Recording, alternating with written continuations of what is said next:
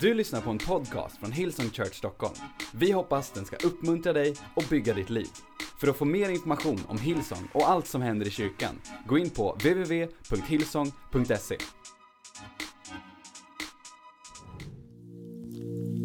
Det finns ett bibelord som jag predikade över för några veckor sedan som jag vill återvända till bara några få minuter. Ifrån psalm 23. Jag läste bibelordet väldigt mycket de sista månaderna och jag läste väldigt mycket inför det här året. Ett av de mest välkända bibelställena som handlar om Herren som våran herde. Men ibland så kan vi läsa det bibelordet som någon slags feel-good slags feel bibelord. Det känns bra att säga Herren är min herde, mig ska inte fattas. Men vet du vad? Det här är ett av de mest laddade kapitlen i hela Bibeln. Få kapitel i Bibeln ställer saker och ting så på sin spets och lämnar det så mycket i våra händer av vad det här, det här kapitlet faktiskt kan producera och leverera i våra liv. Vi kan citera det här bibelordet hur mycket som helst. Människor som inte ens har en tro på Gud älskar psalm 23. Herren är min herde, mig ska inte fattas. Han för mig till gröna ängar. Han vederkvicker min själ. Han för mig till vatten jag finner ro. Det låter underbart och det är underbart. Men det finns en laddning i det här bibelordet som gör att oavsett hur mycket du tatuerar in psalm 23, hur många får du räknar och hur mycket du än liksom säger det här bibelordet så är det så att om inte du förstår dynamiken och brytpunkten i det här bibelordet så kommer du aldrig kunna tillgodogöra det. Men min bön är att det här året som kommer att du verkligen skulle få en uppenbarelse, inte bara över det bibelordet, men att du skulle se kraften i bibelordet börja producera. Grejen med Guds ord är att Guds ord producerar i våra liv. Bibeln säger att bokstaven dödar. Faktum är att du kan läsa Bibeln och bli sämre än vad du var när du började. Det trodde du aldrig jag skulle säga. Varje är du kan studera Bibeln och det enda det gör är att det blåser upp det du känner, jag är i alla fall lite bättre än de andra. Du är sämre därför att du berömmer din egen stolthet och det är sämre än det mesta andra. Därför att Gud står emot de stolta. Det är inte bara nu att du inte har Gud med dig, du har han emot dig. It's a bad deal. Varje att du kan läsa hela Bibeln, du kan berätta hur mycket du läser, du kan dela dina bibelläsningsplaner på, på Instagram. Om du bara vill ta ett avbrott från bilderna på dig själv så skulle du kunna göra det. Men det hjälper ingenting om du inte förstår kraften i det här bibelordet. Det står så här i psalm 23, vers 1. Herren är min herde. Mig ska inget fattas. Om det är sant, då har vi allihopa accepterat en alldeles för dålig deal i att följa Jesus. Antingen är det sant, eller så har vi sagt, jag vet inte hur det går till så jag nöjer mig med om jag får lite grann. Jag nöjer mig om jag får bara det jag absolut behöver. Mina barn, de nöjer sig inte med vad de behöver. De vill ha allt. De struntar i var pengar kommer ifrån. Lina i Göteborg predikar så hon åkte igår vid lunch och jag gör vad vilken, vilken liksom, respektabel som förälder som helst gör, så försöker slå ihjäl ett antal timmar med två döttrar. Jag åkte och shoppade. Och sen gick vi på bio. Först har vi shoppat och då har de varsitt presentkort och jag vet vad som kommer hända. De har varsitt presentkort för julklapp. De hade, fick lite olika saker men bland annat så fick de ett presentkort på 400 kronor var på H&M. När som förälder så är man smart. Jag vet att jag kommer behöva köpa kläder till dem ändå. Så det är bättre att ge dem ett presentkort som julklapp. Så, så it's a win-win, alright? Så vi kommer till H&M, de plockar ut sina grejer. Det är inte så att man kan komma med förslag. Ibland lyckas jag. Jag köper de flesta kläder till min fru, det funkar fortfarande. Men du vet så här, jag kom med förslag, jag var så sjukt ute, jag var så sjukt eh, katastrof, jag var så sån loser. När jag kom och tänkte den här är väl bra, jag rea på den här. Det gick inte. Så har de plockat ihop sina grejer och äh, vi ska på bio, vi har köpt biljetter, vi har käkat lunch ute, vi ska göra grejer. Så när vi kommer fram till kassan så vet jag exakt hur det kommer vara. Först var Selina och fika och jag och Angelina gick och shoppade lite grann. Äh, Selina var och fika med Dumle och, och hon ska, Selina ska köpa, äh, Angelina min yngsta dotter, hon nio, ska köpa en concealer. För om sex år kommer hon få finnar och då kan det vara bra att ha en concealer. Hon får bara sminka sig hemma om du tycker jag är en dålig förälder så skiter jag i det. All right? Så vi köper en concealer, vi hittar en för 198 kronor, men jag hittar den för 69 kronor eftersom de bara ska ha den hemma säger vi tar den här, det är du som betalar. Men när vi kommer till kassan så tittar de på mig med de blåaste ögonen som bara hon kan titta på mig och säger pappa kan inte du betala? Det är ju synd att och, och, och, och, liksom ta sönder det här fina presentkortet på 400 kronor bara för 69 kronor. Det är inte så hon känner så här, pappa 69 kronor, har du det eller går det bra eller behöver du dem till något annat? Det finns inte en tanke. Enda tanken är att hon vill ha kvar sina 400. Hon betalar inte elen hemma, inte vattnet, inte värmen, inte maten, inte bensinen, inte dieseln, inte bilen, inte semester, inte hundmaten. Hon betalar ingenting hemma. Men hon ser mig som sin herde. Och hon tänker att mig ska minsann inget fattas. Så som den pappa jag är som verkligen vill lära dem saker och ting så betalar jag. Sen går vi och shoppar, samma sak händer. Jag vet vad som kommer hända. De hittar lite kläder var, så går vi fram, de får betala var och en för sig, de får ställa sig i kö. När de kommer fram så vänder sig Angina och tittar på mig, pappa. Kan inte du betala det här? Selina, om du betalar åt henne får du betala åt mig. Fram Amexet. Herren är min herde. Pappa är min herde, mig ska inget fattas. Det finns inte så här, pappa, är det okej? Okay? Oh, det blir mycket pengar här nu. nu. Hur, hur kommer det gå? Det finns inte en tanke! Vi kommer till bion. Vi har kommit överens om det har varit med lite mycket godis här nu i jul och alla saker mer än vanligt i alla fall. Så nu är det bara en liten popcorn som ni delar på.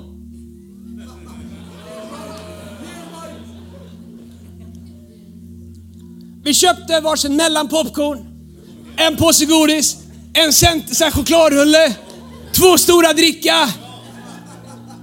Jag betalar. På vägen hem ska vi, ska vi åka hem och slänga upp något att äta. Snälla pappa, vi ska ju börja skolan, kan vi inte sluta jullovet med att äta kebabtallrik? Inte så här pappa, vi skulle vilja visa hur mycket du betyder för oss, kan vi få bjuda dig på kebabtallrik? Pappa är min heder, mig ska inget fattas. Come on somebody. Så pappa betalar. Men kebaben tog inte av mig så jag fick ta riktiga pengar. Kom så.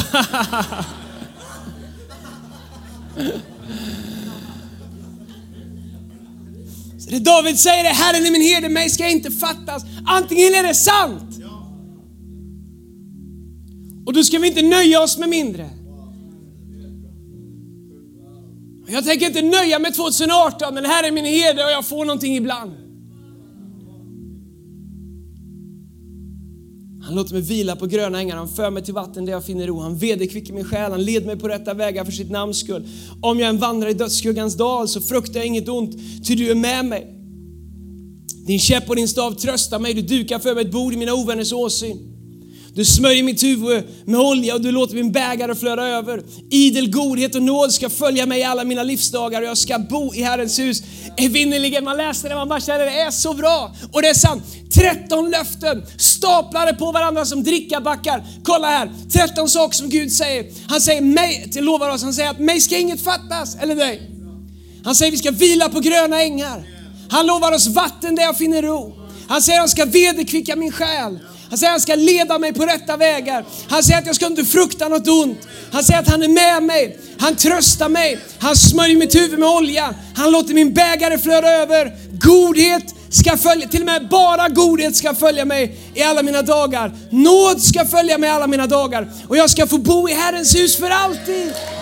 För alltid. Men för vem gäller de här löftena? För vem är de tillgängliga för? För alla? Nej. För alla som vill? Nej. För alla som tror på Jesus? Nej. För alla som ger tionde? Nej. Vem är de tillgängliga för? För alla som har valt Herren som sin herde. Det är det enda som psalm 23, det är de enda som psalm 23 gäller. Det spelar ingen roll hur mycket du läser det på en begravning för att skapa bra stämning. Det gäller inte om inte Herren är din herde. Du kan deklarera till kossorna kommer hem. Inget en rad, inget av de här 13 löftena gäller dig om inte Herren är din herde. David börjar med att säga varför de gäller honom. Han säger Herren är min herde. Därför, och så går han vidare. Herde, vad är det? Herde är den man följer. Det innebär att dit han går, dit går jag. Inte dit jag går försöker jag dra med mig min herde. Faktum är att en herde går och hämtar får som går dit de vill och bär tillbaks dem. Och här är grejen vad en herde gör. Om ett får håller på att rymma så bryter de ena benet på det. I love you! Så att det ska lära sig att inte rymma. Nej, jag säger bara som det är. Därför att herden vet att de får ett rymmer så är det bara en tidsfråga innan vargen tar det. Så herden disciplinerar fåret för att rädda livet på det. Och jag vill inte ha någon sån herde, jag vill bara ha en sån som säger Var är du? Titta ut! Fågelfisk eller mittemellan? Well, låt, låt mig säga en sak till dig. Vargen leker inte fågelfisk eller mittemellan. Bibeln säger att djävulen har svuret att stjäla ditt liv. Han har kommit för att stjäla det, för att slakta det och för att förgöra. Det betyder att om inte göra allt han vill. Djävulen hatar dig för han, du påminner honom om Gud. Och du har någonting som han skulle göra allt för att få men aldrig kommer kunna få. En levande relation med Jesus. Ett bejakande från Gud. En herde är den man följer. Om du följer din plånbok då får du hoppas på att din plånbok är din herde. Men det finns inga 13 sådana löften från din plånbok. Om stolthet är en herde då får du hoppas på din stolthet. Men det finns, inga, det finns ingen vederkvickelse i stolthet. Det finns ingen vatten där du finner ro i stolthet. Om prestige, om oförlåtelse är det som, som leder dig fram i livet som du följer, som du är driven av. Då får du hoppas på, på, på oförlåtelse eller bitterhet. Men det, det finns inga gröna ängar i bitterhet. Det finns ingen godhet och nåd i, i oförlåtelse. Du förstår, det du följer är det som du väljer som din herde. Och det du väljer som din herde får du hoppas på att det ska göra i ditt liv, det du inte kan göra själv. Vad är det du följer? Inte vad du tror på, vad du hoppas på, vad du ber till. Vad du följer. En herde är bara en herde om det är någon som man följer. Bibeln säger, fåren hör, Johannes 10.10, 10, fåren hör herdens röst och följer den. Följer den. Jesus säger, mina får hör min röst och följer den. Vi är hans får om vi följer honom. Och då gäller det här för oss. En herde är någon man följer, det är någon man litar på. En herde, man litar mer på herden än på sin egen kunskap. Fåren vet inte vart de ska, de vet inte vart de går.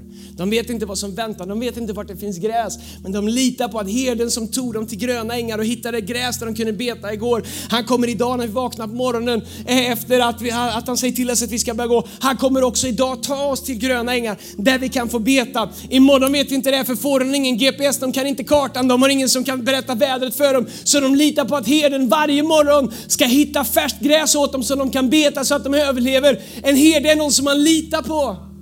Någon som de vet, vi kommer behöva vatten men vi vet inte vart vattnet är. Fåren vet inte vart vattnet är. Så de litar på att herden vet vart vattnet finns. Vatten är en bild på liv i Bibeln. Herden vet vart livet finns som du behöver. Ibland när han försöker leda dig ut i en relation som du håller dig fast i så är det inte för att han inte liksom unnar dig det. Han vet att det finns inget liv i den relationen, det finns inget vatten där. Han vill föra dig till vatten. Riktigt liv. En herde är någon som man följer, någon som man litar på, men det är också någon som man underordnar sig. Jesus visar det i ett seman, han är inför Fadern och han ska ge sitt liv. Han säger Gud om det är möjligt så låt den här bägaren, vilken bägare då? Den här bägaren som var framför honom. Tänk dig en stor bägare, en stor, en stor liksom, eh, en stor liksom, ett stort glas, en stor bägare. Där Gud har hällt i hela mänsklighetens synd. Alla mina fel har hällts i där. Alla dina fel har hällts i där. All synd, all ondska, alla våldtäkter, alla övergrepp, alla mord, all avund, allt, hela världens synd har hällts i den här bägaren. Och Jesus håller den framför sig och han ska dricka den, inte bara liksom lukta på den. Han ska se till att han blir gjord till, Bibeln säger att han blev gjord till synd. Han tog allt det i sig. Allt det kom inuti honom. Han bar i sin egen kropp och nu är han i ett seman och han vet att om han gör det då måste han också ta konsekvenserna för det. Därför att syndens lön, bägarens lön är döden säger Bibeln. Men Guds gåva är evigt liv. Så han vet att om jag dricker den här bägaren då blir min lön döden. Men människors gåva blir att de får evigt liv. Så han säger till Gud, Gud om det finns något annat sätt än att jag måste dricka den här bägaren. Så ge det till mig. Men så säger han, men låt det inte bli som jag vill, utan som du vill. Därför att ett får har bara en herde om fåret har valt att underordna sig herden. Bestämmer Gud i ditt liv? Du säger, hur vet jag det? Det enkla sättet att titta det är, bestämmer Gud över dina tillgångar? Bestämmer Gud över din förlåtelse, över din nåd, bestämmer han över dina ägodelar. Gud är herde eller inte. Han är inte lite herde. Det är ingen som följer honom lite grann. Söndagar mellan elva och halv ett. Superfår. Resten ser jag som jag vill. Nej, nej. Du är med i en flock. Om du har gett dig till flocken. Det är därför ni säger, jag behöver ingen kyrka, jag kan bara liksom, jag bara, jag har internet, jag behöver inte vara med i någon lokal församling. Jag behöver inte, du vet det här psalm 92, vers 13 där det står att den som planteras i Guds hus kommer alltid blomstra. Det gäller inte mig, jag går till kyrkan när jag känner för det. Ja men gör det! Men du vet ett får som inte är i en flock, it's game over. Game over!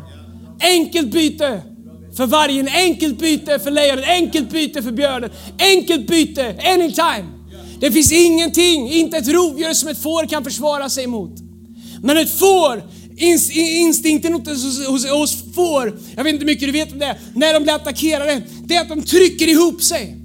De trycker upp sig så skyddar de varandra genom att trycka sig så emot och vända alla munnar utåt så att det blir svåra att penetrera den gruppen. Så till och med stora rovdjur kommer inte åt dem. Därför styrkan är i crowden, styrkan är i sammanhanget, styrkan är i den tajta gemenskapen. Det är därför som Bibeln säger att den som är planterad i Guds hus kommer alltid att blomstra. Paulus säger försumma inte sammankomsterna. Vad är det han säger? Försumma inte gudstjänsten, försumma inte kyrkan. Du är ett enkelt byte för dig själv. Spelar ingen roll om du läser Bibeln, spelar ingen roll om du sätter på låseskivor hemma. Du är ett enkelt byte, men tillsammans så finns det ett beskydd.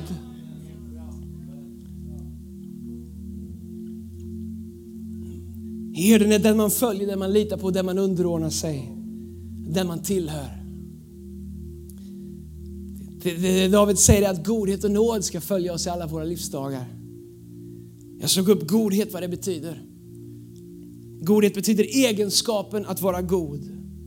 Speciellt att ha ett gott hjärta. Så han säger att ett gott hjärta ska vara min lott alla mina livsdagar. Ordspråken 4.23 säger framförallt som att bevaras, bevara ditt hjärta för därifrån utgår livet. Så det handlar inte bara om att godhet ska vara med mig. Nej, ett gott hjärta, alltså ett hälsosamt hjärta, ett helt hjärta, ett hjärta fullt av liv ska vara med mig. Ska följa mig. Överallt jag går. Andra, andra synonymer på godhet är vänlighet, hjälpsamhet, snällhet, givmildhet, godhjärtenhet, nåd, välvilja, kvalitet, smaklighet. Jag älskar att, det, att man använder de orden. Om, nåd, om godhet är något som följer mig, vad innebär det för människor runt omkring mig? Vad, vad, får det för effekt för människor runt omkring? Om nåd, är, eh, förlåt, om godhet är någonting som är över mitt liv, det innebär att för andra människor så blir resultatet för dem vänlighet. Andreas, varför är du vänlig? Det är för att godhet följer mig. Och godhet betyder vänlighet. Det är ingenting som vi försöker göra, det är ett resultat av att Herren är våran herde, så nu följer godhet oss vart vi än är. Och det som godheten gör i våra liv är att den skapar vänlighet, hjälpsamhet, är en frukt av att godheten är i våra liv. Snällhet, givmildhet. Jag älskar att det står kvalitet. Come on somebody, jag älskar kvalitet. Gud är värd vårt bästa jämt. Inte vår perfektion, men vårt bästa. Jag älskar att vi har musiker som har repat. Att vi har människor i foajén som gör sitt bästa för att få oss känna oss välkomna. Kvalitet, godhet är synonym med kvalitet. Och det sista är smaklighet. Mm, det är det smakar gott. Godheten smakar gott. Det är någonting med Guds godhet, den smakar gott. Vad är det med dig? Ditt liv smakar så gott. Come on, vad är det med, med, med dig? Det är, bara, det är sån smaklighet när du kommer in. Jag älskar att, att ett synonym för godhet är smaklighet. Aroman av mitt liv, det som kommer ur mitt liv, frukten av mitt liv. Om Herren är min herde, är att det andra människor känner är smaklighet. Det är inte i hur, hur, liksom, hur stora kristna termer jag kan slänga mig med. Eller liksom, vilka andra predikanter citat jag kan sno och göra till mina och lägga ut på Instagram. Hey, det, utan tvärtom så handlar det om vad andra människor upplever i sitt liv som ett resultat av att de är i mitt liv. Min belöning är inte vad jag får, utan min belöning är vad Guds gåva gör genom mitt liv i andra människors liv. Gud är god och allt han gör är gott. Romarbrevet 2.4 säger, eller föraktar du hans stora godhet, mildhet och tålamod och förstår inte att det är hans godhet som för dig till omvändelse. Vet du att, jag ska avsluta med det här, jag har egentligen inte tid med det. Jag skulle behöva 10 minuter för att prata om det men nu ska jag få det på 20 sekunder. För det är den smarta crowden 1900. Plus några. Vet du vad jag tror? Jag tror att det är... Jag tror att vi upptäcker Guds djupaste godhet i vår egen omvändelse. Det är vår egen personliga omvändelse som vi upptäcker Guds djupaste godhet. När vi blottar oss själva inför Gud. När vi drar av alla filter, när vi drar av alla masker, när vi lägger bort alla ursäkter, när vi kommer till Gud. Så Bibeln säger att det är Guds godhet som för oss till omvändelse. Inte Guds hot eller hans, hans hot om straff, hans hot om liksom payback eller retaliation. Nej, det, det var en upplevelse av Gud som god. Så om du har en upplevelse av Gud som inte är god så kommer du aldrig vilja omvända dig. För du vill inte, att omvända sig betyder att vända sig bort ifrån någonting till någonting annat. Och Gud vill att vi ska vända oss mot honom, bort ifrån våra andra liv, våra andra sätt att leva. Men för att göra det så måste vi känna, vet du vad? Här är mitt liv. Där är Gud. Gud är god, jag vill vända mig mot Gud. Det är det som omvändelse är. Omvändelse handlar inte om att du måste gråta och skrika och liksom skriva på Facebook hur mycket du omvänder dig och liksom hur liksom det här året och bla bla. Det är inte det som är omvändelse. Omvändelse är, jag lämnar mitt sätt och jag, jag blir ett får, jag följer hans sätt. Och jag vet att han är god, det är hans godhet som attraherar mig, som drar mig. Så i min omvändelse, när jag ofiltrerat vänder mig bort ifrån den jag har varit och, och vänder mig till Gud. Och det är för övrigt inte bara någonting som sker en gång i frälsningsögonblicket, utan det behöver ske varje dag. När jag vänder mig till Gud och jag säger, Gud vet du vad? Jag håller inte den standarden som du vill och jag håller inte ens den standarden som jag vill. Gud, idag så följer jag igen. Gud, idag så blev jag arg igen. Gud, idag så tappar jag helgelsen. Gud, idag så ljög jag. Gud, idag så struntar jag i att fylla ett behov som du satte framför mig och jag kunde gjort någonting åt. Det är när vi lägger bort våra ursäkter, när vi lägger bort, du kanske hade en tuff uppväxt, jag vet det kan vara fruktansvärt men, men vet du någon gång så eh, måste du våga lämna den åt sidan och säga Gud jag vet inte vad jag ska göra med den så jag ger den till dig. Men jag låter inte längre det vara en ursäkt för att inte få uppleva din godhet så jag, jag vänder mig bort ifrån den. Omvändelse handlar inte bara liksom att du ska sluta synd, nej det handlar om att vända sig bort från det som vi har hållit fast i. Så när vi kommer till Gud och riskar någonting, vi skalar av oss allting så Gud ser rätt in i våra liv, vilket han gör ändå. Helt utan filter, helt utan, utan någonting. Vi är nakna inför Gud på insidan. Där, när vi är exponerade, när vi blottar strupen, det är där vi upptäcker hans godhet. Det är där vi känner hans nåd. Det är där vi känner Gud, du som kunde bara tryckt till mig lite grann där. Allt vi gjorde var att älska. Allt du gjorde var att lyfta. Allt du gjorde var att föra mig till vatten där jag fann ro. Allt du gjorde var att föra mig till en gröning. Allt du gjorde var att du vederkvickte min själ. Din godhet kom över mig, din nåd kom över mig. Jag förstår att när vi inte omvänder oss så rånar vi oss själva på psalm 23. Det djupaste mötet med hans godhet kommer alltid ske i omvändelsen. Därför så vill jag att 2018 ska vara ett liv där jag lever i konstant omvändelse. Inte liksom som att jag inte är frälst eller förlorar min frälsning eller att Gud inte älskar mig, att jag måste vinna hans kärlek. Det är inte det jag omvänder mig ifrån. Jag omvänder mig från min vilja att vilja göra det på mitt sätt. Min vilja att hålla fast i mina ursäkter. Min vilja att förklara varför Guds löften inte skulle funka för mig. Min, min, liksom min vilja att vilja säga varför det inte skulle gå. Jag omvänder mig från det jag säger Gud, jag vill inte att någonting ska vara mellan Gud. Här är jag, allt som jag har, här får du se allt. Gud, kan du göra någonting med det här? Och jag vill möta hans godhet varje morgon, varje dag. 2018 vill jag att hans godhet, hans nåd ska följa mig. Kom ska vi stå upp tillsammans? Så när vi sjunger den här sången, You are good, så är det inte bara en bra catchphrase. Nästa gång vi sjunger den här sången, vilket är alldeles strax, så kommer du kunna sjunga den utifrån en uppenbarelse. Du förstår, uppenbarelse är annat än bara feeling. Feeling är bra, uppenbarelse förändrar allting.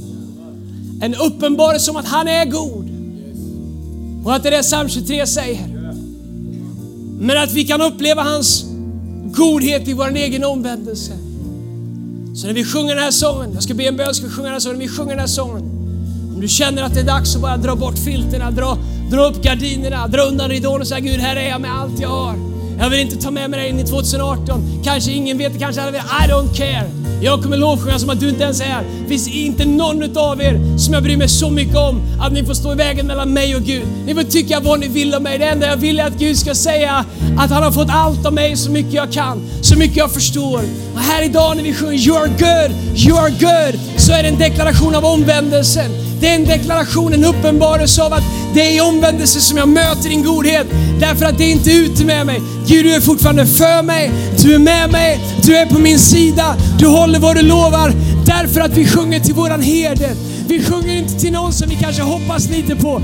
Vi sjunger till han som vi säger, Herren är min herde. Mig ska inte fattas. Han låter mig vila på gröna ängar. Han för mig till vatten där jag finner ro. Han vederkvicker min själ. Han käpp och hans stav tröstar mig.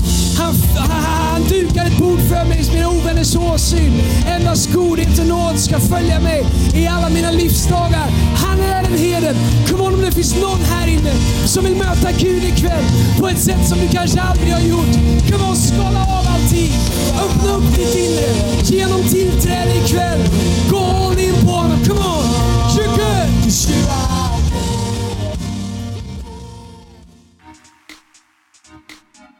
Du har lyssnat till en podcast från Hillsong Church Stockholm. Om du vill veta mer om vår kyrka eller om våra söndagsmöten, surfa in på www.hillsong.se.